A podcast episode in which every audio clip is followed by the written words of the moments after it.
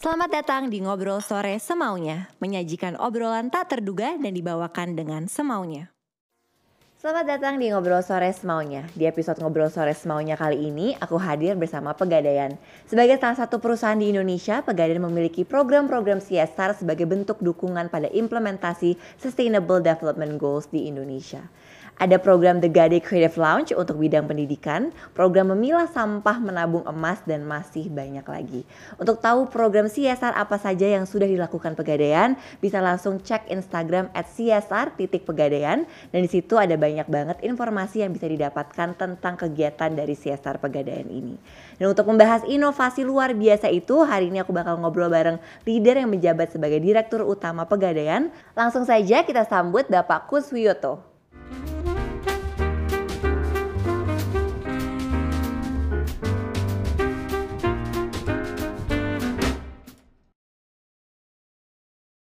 Hai Pak Kusyato, apa kabar Hai, Pak Kus? Hai, alhamdulillah sehat-sehat, sehat Seneng, semua kan? Ya. seneng banget udah nggak kita akhirnya bisa ketemu juga Pak.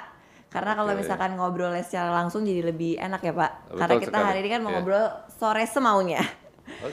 Pak, eh, gimana kabarnya? Gimana eh, ini udah mau bentar lagi udah mau tahun baru nih Pak. Tahun baru, ya. Apa yang dipelajari, apa yang diambil dari tahun 2021 Pak? Wah, kalau boleh dibilang ya, tahun 2021 itu masih tahun yang berat ya, khususnya buat Pegadian. Iya. Kita dihantam juga oleh eh, harga emas yang turun, Iya. ya. Harga emas turun luar biasa loh, dari 19 juta tinggal 830-an ribu loh. Akibatnya apa? Orang-orang yang sudah menggadekan nggak mau nebus. Iya. Ya kan, kan harganya turun. Kalau Iya, nebus kan dia rugi. Iya. Jadi dilepas saja barangnya itu yang membuat kita banyak sekali kemarin melelang barang-barang gitu ya. Dan ini satu hal yang perlu saya sampaikan ya Mbak Putri ya. Iya Pak. Banyak orang tuh salah persepsi tentang pegadaian. Hmm, gimana tuh Pak? Jadi orang-orang tuh mengira kalau pegadaian itu akan berjaya pada saat orang sengsara. ya kan? Wah enak dong kerja di pegadaian hari-hari gini. Itu salah ya. Karena 62% nasabah kita tuh nasabah produktif. Iya. Artinya mereka menggadekan barang untuk berusaha. Betul. ya. Nah, yang terjadi adalah para pengusaha menturun ya. Omsetnya turun sehingga mereka tidak menemukan modal, Iya. peluang untuk makan sehingga pilihannya dua. yang pertama menjual barangnya Iya. Atau menggadekan barangnya. Betul. Menggadekan barang kalau mereka punya proyeksi kemampuan cash flow nebus. Iya. Kalau mereka nggak punya pasti langsung jual. Ya. Nah, yang terjadi adalah sekarang banyak orang langsung menjual bukan Langsung jual, menggadai. iya. Ya.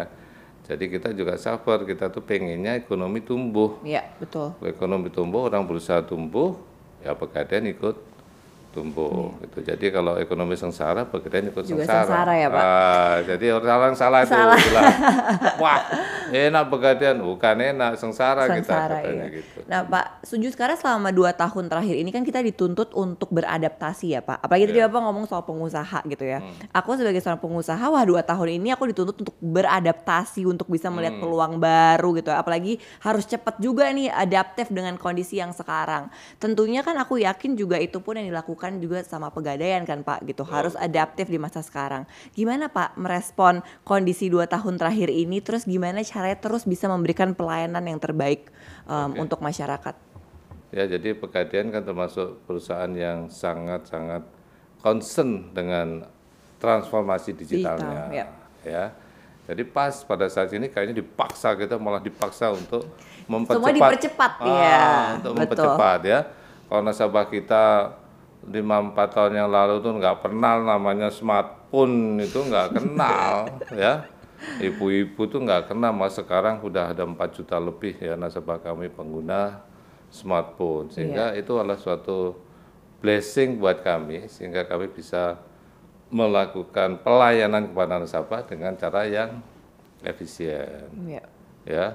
Jadi itu salah satu hal yang membuat tahun 2020-2021 meskipun kondisi seperti ini kita tetap survive karena kita bisa switching ke produk-produk yang berbasis digital. Iya. Termasuk produk HD itu banyak yang kita digitalkan ya. Iya, Itu yang bagus. Hmm. Pak, kalau yang dua tahun ini kan tadi ya berubah. Tadi juga Bapak udah bilang bahwa blessing karena jadi percepatan teknologi dan segala macam Iya. digitalisasi.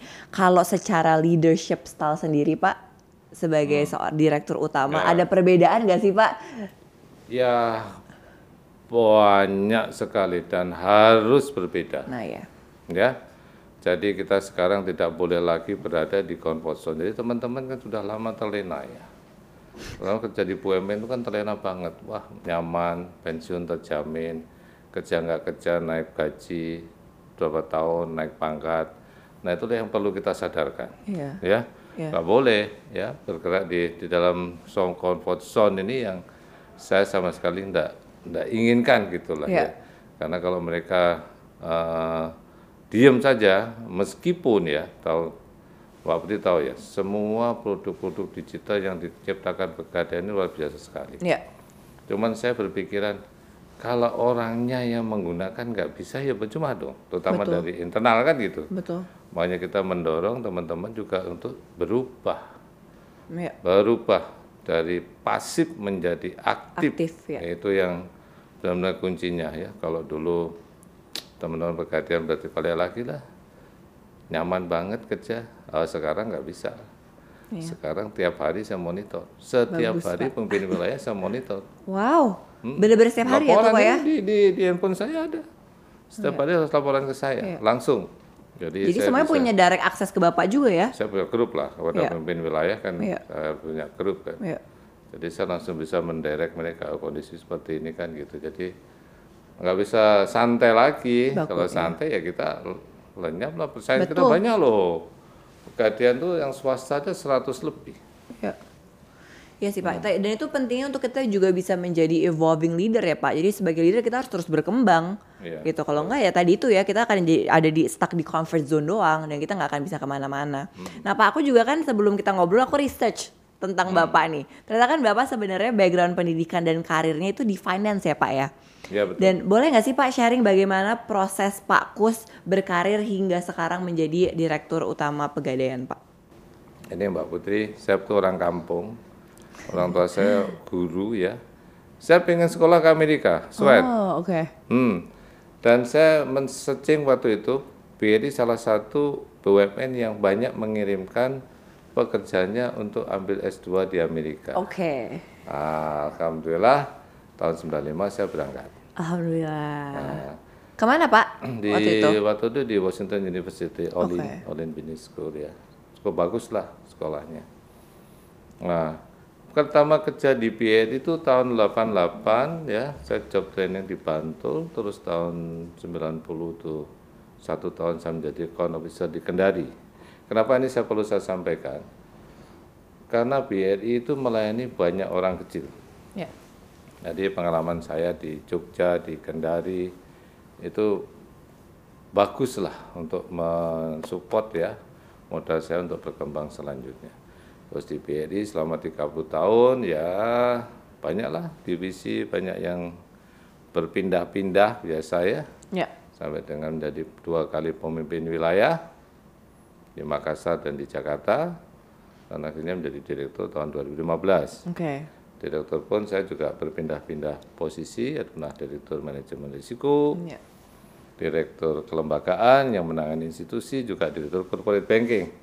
Jadi eh, pengalaman inilah mungkin yang menjadi pertimbangan ya. Ya. Waktu itu kementerian menunjuk saya sebagai direktur utama PT Pegadaian. Iya. Jadi saya berkarir di BRI ya 30 tahun lebih. Wow. Dan otomatis sebenarnya banyak menangani orang kecil. Ya. Jadi begitu dipindah Pegadaian ya sebenarnya nggak terlalu jauh lah ya, biasa aja lah. Ya. Tapi apa sih Pak? Maksudnya kayak Hmm. kan kalau kalau kita bekerja kalau misalkan kita bisa memberikan impact yang besar gitu kan. Kita kan juga Hmm. seneng gitu kan Pak. Apa sih Pak pengalaman yang paling Bapak rasakan waktu kerja di BRI atau mungkin sekarang di Pegadaian gitu? Apa yang Bapak impact yang Bapak rasakan gitu yang diberikan oleh uh, Pegadaian? Jadi eh, ini selama di Pegadaian ya. Jadi Pegadaian itu ini pengalaman saya ya. Saya masuk Pegadaian, Pegadaian tuh gajinya bagus loh. Ini sekalian promosi ya. gajinya bagus, kesejahteraannya bagus Iya. dan lain-lain. Tapi kenapa mereka katakanlah waktu dan sampai hari ini masih beberapa sih kalau orang Jawa bilang tuh macak soro. Hmm. Ngerti macak soro enggak? Enggak, Berpura-pura miskin gitu. Oh, oke. Oh, ya kan banyak seperti itu. Nah, saya pengen ya, saya jadi saya masuk, saya pertama kali saya memang pengen merubah culture-nya. Culture yang lebih mereka menjadi percaya diri. Ya. Itu kan ya? Ya. Jadi semulai dari cara berpakaian dan lain-lain Ya. itu uh, menjadi berubah sekarang ya. Ya. Jadi contoh-contoh simpel tapi penting, Ya, apa Pak? ya kan? Ya. Cara berpakaian itu simpel tapi penting, karena itu meningkatkan rasa percaya diri dan berpakaian yang bagus tidak perlu mahal. Betul. Ya kan? Saya sering sampaikan contoh, datanglah ke pasar Beringharjo, beli batik lengan pendek 75.000, udah bagus banget, Ya. tidak perlu mahal Ya. tapi pasti pantas ya. Ya. Jadi perubahan kaca inilah yang membuat saya terus bergairah karena tanpa perubahan kaca yang dari tadi itu dari pasif menjadi aktif ya terus sekarang orang pegadaian begini. Semua orang pegadaian sekarang jadi marketer. Oh.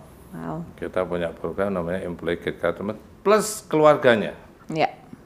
Jadi saya berikan reward, saya berikan poin, ya. Jadi itu yang membuat saya senang sekarang kalau ketemu orang pegadaian pasti orang nawarin produk kita.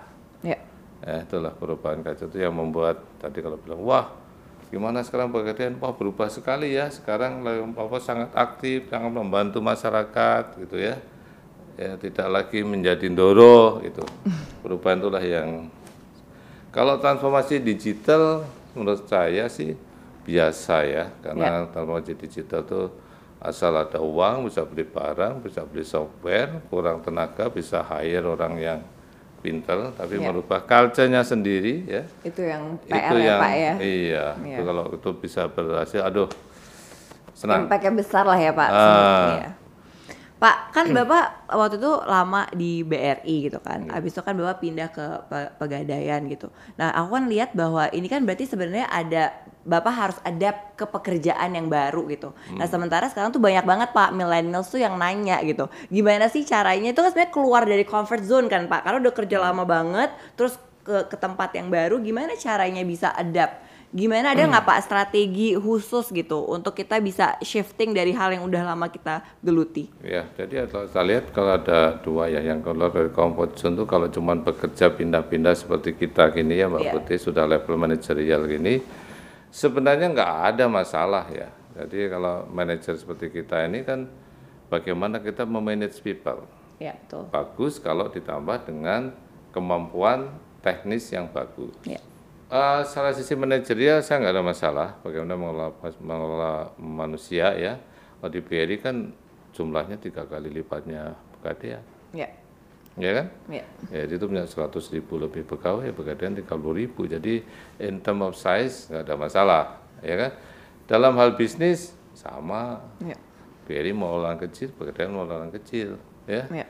Jadi untuk tune in untuk apa itu istilahnya kita beradaptasi nggak terlalu nggak terlalu apa bermasalah buat saya ya. Ya.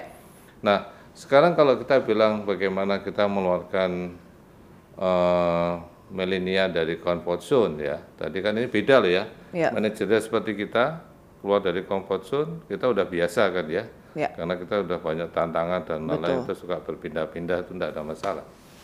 Yang hari ini saya agak prihatin sebenarnya ya bahwa nanti bonus demografi itu banyak diisi tenaga-tenaga baru dan mereka masih mengharapkan ini ya menurut survei saya mereka masih mengharapkan menjadi pegawai ya mungkin karena melihat bapaknya, melihat ibunya, melihat omnya gitu kan, kok nyaman ya kerja di sini gitu ya. Jadi mereka berangan-angan juga untuk menjadi seorang pegawai suatu perusahaan. Oke. Benar enggak kira-kira begitu? Ini ini setelah saya pelajari saya tanya beberapa milenial. Padahal yang dipentingkan hari ini adalah bagaimana mereka bisa berinisiatif sendiri. Kita semua tahulah nanti mungkin nggak akan lama lah 5-10 tahun ke depan tuh banyak job yang pasti hilang kan semua orang Iya. nggak tahu lah itu. Iya. Even nanti apa waiter pun kan mungkin bisa diganti robot udah mulai dijalankan kan satu dua wah udah banyak sekali kan pekerjaan yang akan hilang kan gitu Nah, bagaimana sekarang mereka kita didik untuk tidak berpikiran ya menjadi pegawai. Ya, kalau mereka masih berpikiran menjadi pegawai, mereka pasti akan terjebak dalam comfort zone terus. Ya. Karena mereka tidak mau inisiatif, tidak mau berkembang ya. Jadi mindsetnya ini hanya bekerja untuk orang, bagaimana kita apa istilahnya ikut-ikutan, ya, gitu. Jadi didiklah mereka ya. Mereka dibuat tantangan itu menurut saya. Ya. tantangan supaya mereka berpikiran sebagai pengusaha lah bagaimana berusaha. Ini yang salah lagi dari teman-teman ya. Bukan salah. Mungkin mereka kurang tahu. Bahwa sebenarnya menjadi pengusaha di Indonesia mulai yang dari paling kecil pun mudah sekali orang bilang selalu wah modalnya nggak ada dong kan selalu begitu ya. saya nggak punya modal nih pada di institusi keuangan itu ya bisa menyediakan ini saya pesankan kepada teman-teman yang milenial yang baru lulus lulus kuliah itu ya bahwa permodalan yang diberikan oleh institusi keuangan itu beragam sekali mulai yang tidak bayar bunga ya. kamu tahu kan ada program bina lingkungan terus meningkat lagi apa kemitraan mau naik lagi ada kur, ada super mikro yeah. yang bunganya sangat murah, baru nanti komersial, menengah, komersial besar. Jadi intinya di Indonesia itu kalau mau serius ya modal bukan sesuatu yang menjadi tantangan lagi. Karena pemerintah dan institusi keuangan pasti menyediakannya, termasuk pegadaian. Ya. Ya. ya. Jadi pesan untuk keluar dari comfort zone teman-teman tolong jangan selalu berpikiran menjadi seorang pegawai kalau saya zaman saya dulu jadi pegawai lebih gampang ya sekarang even anak saya pun sudah enam tahun kerja di perusahaan konsultan yang terkenal lah ya, ya. gitu ya Pak saya mau keluar ya keluar aja mau bikin apa Gak usah kecil-kecilan ya silakan aja saya bilang. Dengan modal yang dia sudah kumpulkan ya. dia akhirnya bikin usaha sendiri. Itu saya malah seneng. Dan tinggal orang tua ini tinggal ngawasin aja Ya. Gitu. Aku juga senang sih Pak karena aku melihat sekarang banyak sekali anak-anak muda juga karena kita juga punya akses uh, teknologi ya Pak, di mana hmm. kita bisa melihat contoh-contoh lain di luar sana ya. Aku juga karena sering banget uh, bantuin Pak Teten juga untuk UMKM okay, gitu ya. Jadi aku melihat wah sekarang udah banyak banget anak-anak muda yang punya usaha sendiri gitu ya, bahkan dari umur 15 tahun Pak udah punya hmm. bisnis slime ya, dan segala macam. Iya. Ya. Jadi aku melihat wah ini semangatnya sangat luar biasa karena bener hmm. Pak walaupun walaupun uh, walaupun nggak semua bisa jadi pengusaha ya Pak ya, tapi yang paling penting tuh yang aku belajar adalah kalau misalkan memang bekerja untuk um, orang gitu ya atau menjadi uh, pegawai, ya tetap kita harus punya entrepreneurship mindset ya Pak. Dalam ya, arti betul. punya punya entrepreneurship mindset, punya emotional intelligence yang bagus itu biar secara okay. karir pun kita sustainable. Nah, pegadaian kan sekarang juga banyak generasi muda ya Pak yeah. di dalam pegadaian sekarang ya. Gimana yeah, tuh Pak strategi yeah, untuk mengoptimalkan saya, potensi mereka? Saya mau nyambung yang tadi bahwa 60 berarti kan untuk orang luar ya, untuk yeah. umum. Nah, sekarang untuk pegadaian sendiri saya sampaikan ke teman-teman ya bahwa saya sampaikan dulu 65% pekerja kita itu milenial. Wow. Ya.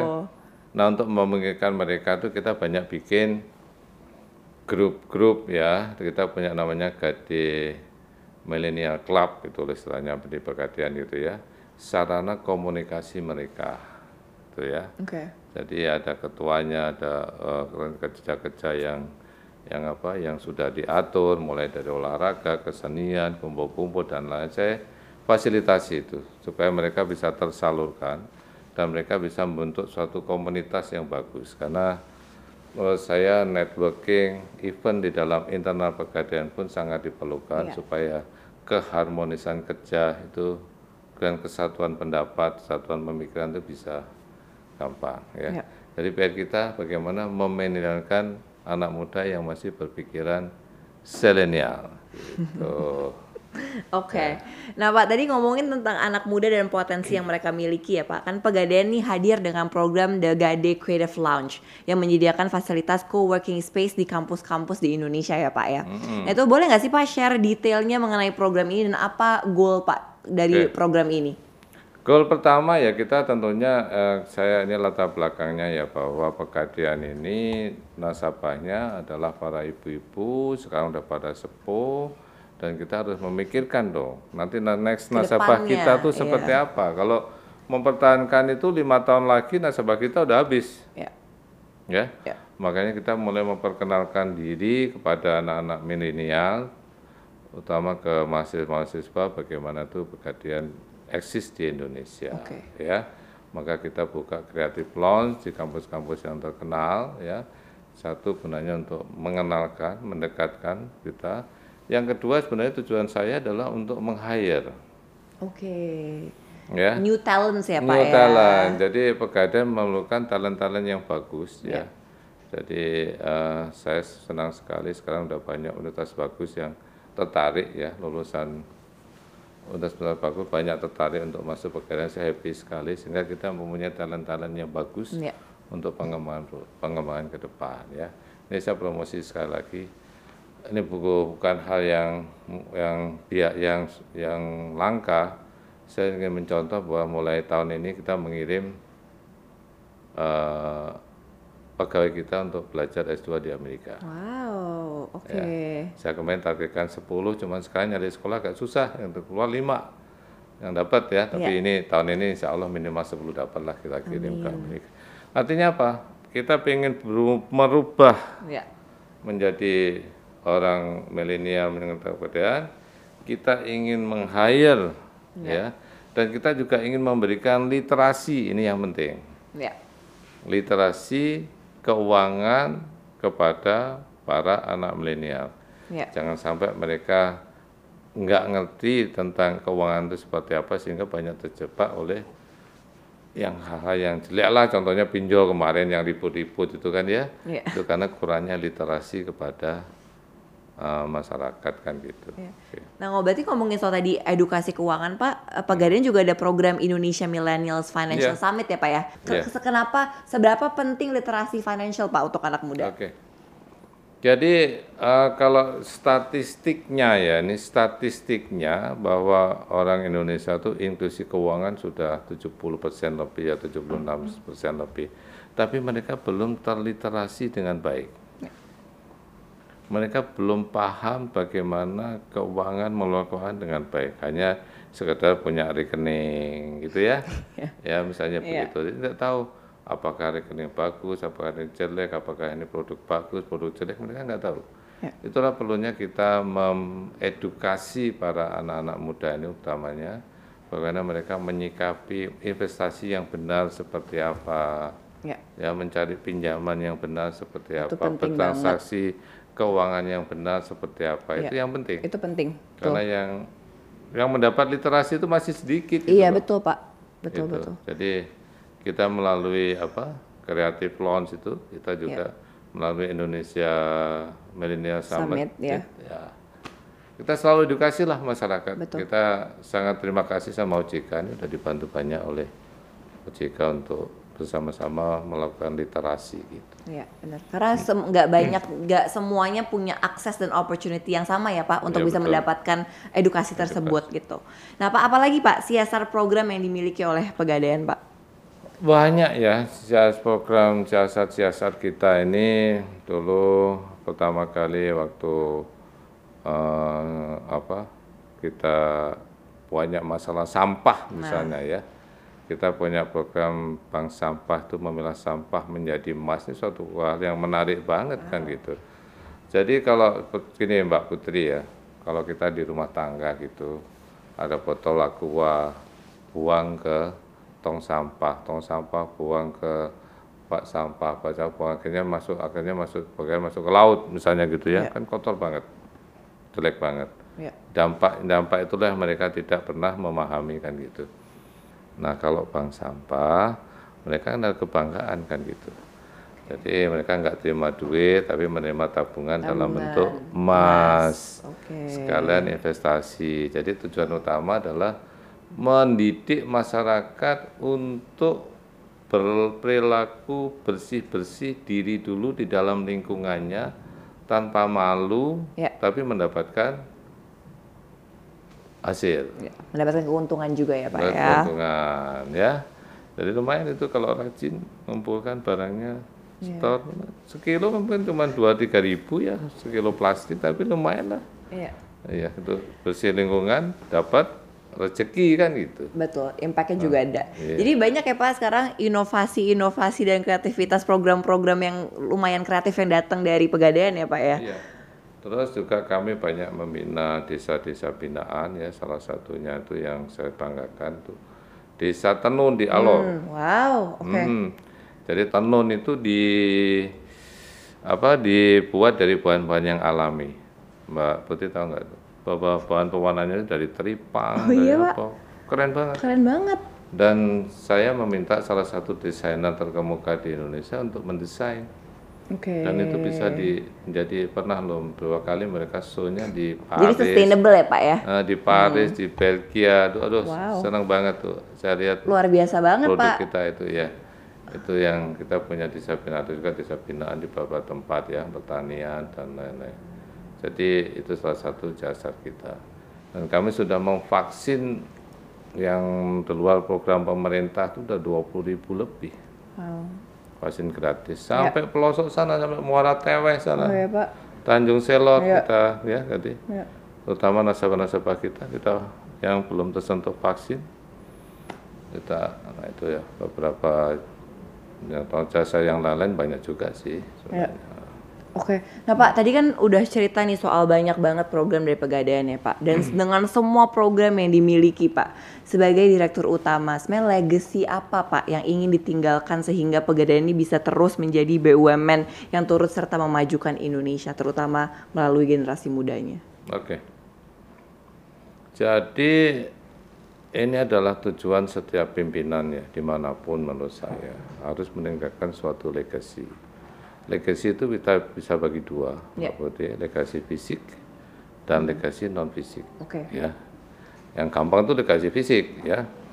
Jadi hari ini kalau Mbak Putih lihat kami punya 645 cabang itu sebagian besar sudah berpenampilan yang cantik.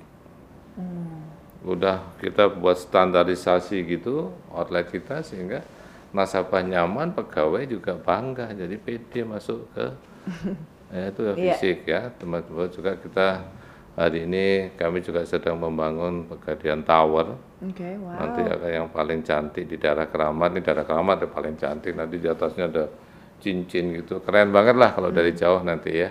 Itu legasi fisik contoh-contoh legasi Iya, fisik iya. ya. Tapi yang tidak kalah penting adalah legasi non fisik sistem Ya, nah itu. manusia. Betul. itu yang tidak kalah penting. Makanya bagaimana saya selama hampir tiga tahun ini merubah ya karcenya dulu saya balik lagi. Karcenya ini. Jadi kalau di pegadaian hari ini contoh pertama ya tadi harus aktif ya. Dari biasa dilayani menjadi melayani dari biasa dicari menjadi mencari mereka jadi sangat aktif. Itu perubahan yang saya harapkan dan alhamdulillah sudah banyak dilakukan teman-teman juga ini yang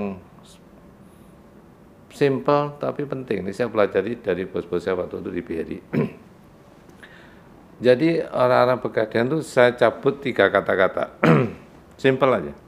Tidak boleh berkata tidak, tidak boleh berkata tidak bisa, tidak boleh berkata sulit. Oke. Jadi tidak ada kata sulit, tidak ada kata tidak, dan tidak ada kata tidak bisa. Itu supaya apa? Mereka pede. Betul. Bahwa tidak ada yang tidak bisa dilakukan gitu Ya, loh. ya, ya. Nah, itu pelan-pelan tuh ya. Jadi sudah dari 14.000 lebih yang pegawai kita yang organik, bagi kita kan 30.000 ribu Ya. ya. Dari 14.000 itu ya saya sudah sudah 50 persen lah sudah punya pemikiran itu dan itu selalu kita tanamkan terus ya. ya. Di perubahan kaca itu. Itu penting banget sih Pak, culture Iya. itu ya. Gimana Iya. caranya biar uh, employee-nya juga punya growth mindset ya Pak, jadi melihat ke depan gitu. Ya betul sekali. Ya, termasuk juga bagaimana kita ajari mereka bagaimana harus kita lebih di depan daripada perubahan itu sendiri kan Betul. gitu. Betul. Nah, terus legasinya itu ya. Jadi yang legasi culture itu yang buat saya penting untuk pegadaian supaya survive dalam long term. Ya. Menarik Pak. Lagi kalau yang teknologi biasa kita saya selalu meminta kepada teman-teman untuk selalu membuat teknologi termutakhir ya at Ya. any cost dengan terukur ya jadi Ya. pegadaian itu perusahaan yang kecil mungkin tapi spending di dalam IT-nya luar biasa besar Oke. karena kami nggak mau ketinggalan sekali ketinggalan dilepes kita sama pesaing jadi benar-benar kita menggunakan Harus teknologi ya, Pak? terupdate Ya. Ya. Nah, kami sering dapat award kan dari Ya. sisi apa digital ya, karena Teknologi, kami at all cost kami ya itu jadilah legacy-legacy yang saya harapkan dan insya Allah bisa terwujud gitu Amin. Jadi tadi ya Pak tuh ada legacy fisik dan non fisik ya Pak. ya Dan yang non fisik juga nggak kalah penting. Pak, terakhir pertanyaan terakhir Pak. oke Harapan Bapak untuk pegadaian di lima tahun ke depannya seperti apa sih? Ya. Hari ini Pegadaian sudah menjadi eh, sangat bagus ya, baik dari sisi kesehatan, eh, keuangan maupun dari sisi nama ya sudah, sudah sangat bagus. Tapi itu pun tidak memuaskan juga ya. Namanya orang bercita-cita kan pengennya melebihin, melebihin, melebihin gitu Ya. kan. Nah kita punya visi kan menjadi the most valuable financial company di Indonesia dan juga menjadi agen inklusi pilihan utama masyarakat. Ini saya harapkan dalam lima tahun ke depan insya Allah terwujud. Kenapa? Amin. Karena kita punya basic nasabah itu 18 juta lebih loh. Wow, 18,6 juta. Ya. Artinya sudah luar biasa sekali ya bahwa nasabah kita sudah besar ditunjang oleh kondisi kita yang sangat sehat, ditunjang oleh bisnis kita yang kita maintain dengan bagus, ditunjang oleh prasarana dan prasarana pastinya yang yang cukup lah ya. Saya kira lima tahun ke depan kita bisa mencapai cita-cita itu ya, ya lima tahun ke depan. Apalagi hari ini kita sudah berkolaborasi, kita menjadi subholdingnya dari BRI Ya. ya. Jadi itu akan membuat pegadaian jalan lima tahun ke depan akan pasti lebih lari. Amin. Penting juga ya Pak, berarti kolaborasi itu menjadi Ya, salah satu yang sangat penting. Kolaborasi penting sekali. Ya. Oke, Pak terakhir, pertanyaan terakhir, apa pesan untuk Bapak Pakku sendiri di lima Hmm. tahun ke depan? Misalkan Pakku nonton lagi nih ngobrol sore semaunya, Hmm. ya, Pakku lima tahun ke depan, apa yang Pakku sekarang ingin sampaikan ke Pakkus lima tahun ke depan? Saya lima tahun ke depan udah tua. Nah iya, Pak mau sampaikan apa ke Pakkus yang udah lima tahun ke depan? Oke. Eh, jadi ya dalam lima tahun ke depan tuh ya kita harus tetap berada pada posisi yang selalu memberikan kontribusi Ya, meskipun saya sudah tua ya meskipun saya sudah tua nanti lima tahun lagi saya di atas 60 tahun. Tapi saya ingin juga memberikan kontribusi apa pun bentuknya ya dengan pengalaman saya selama ini ya. Mau dibayar atau nggak dibayar saya nggak penting. Saya materi sudah selesai buat saya. Jadi saya ingin bahkan tidak lima tahun lah mungkin ya sampai meninggal lah saya bisa memberikan kontribusi yang bagus ya amin. buat keluarga, buat teman-teman dan tidak kalah pentingnya tentunya buat nusa dan bangsa kan begitu. Saya banyak sekali berutang pada negara ini. Jadi insya Allah saya balas sampai saya meninggal nanti. Amin. Terima kasih Pak Kus. Oke, thank you. Terima Mbak. kasih Pak Kus, terima kasih juga untuk semua kontribusinya. Semoga semua cita-cita dan harapannya bisa tercapai Pak. Eh, terima kasih untuk teman-teman yang sudah nonton. Jangan lupa untuk terus nonton Ngobrol Sore Semaunya setiap hari Kamis jam 6 sore. Pastinya hanya di Sexo Media. Bye-bye.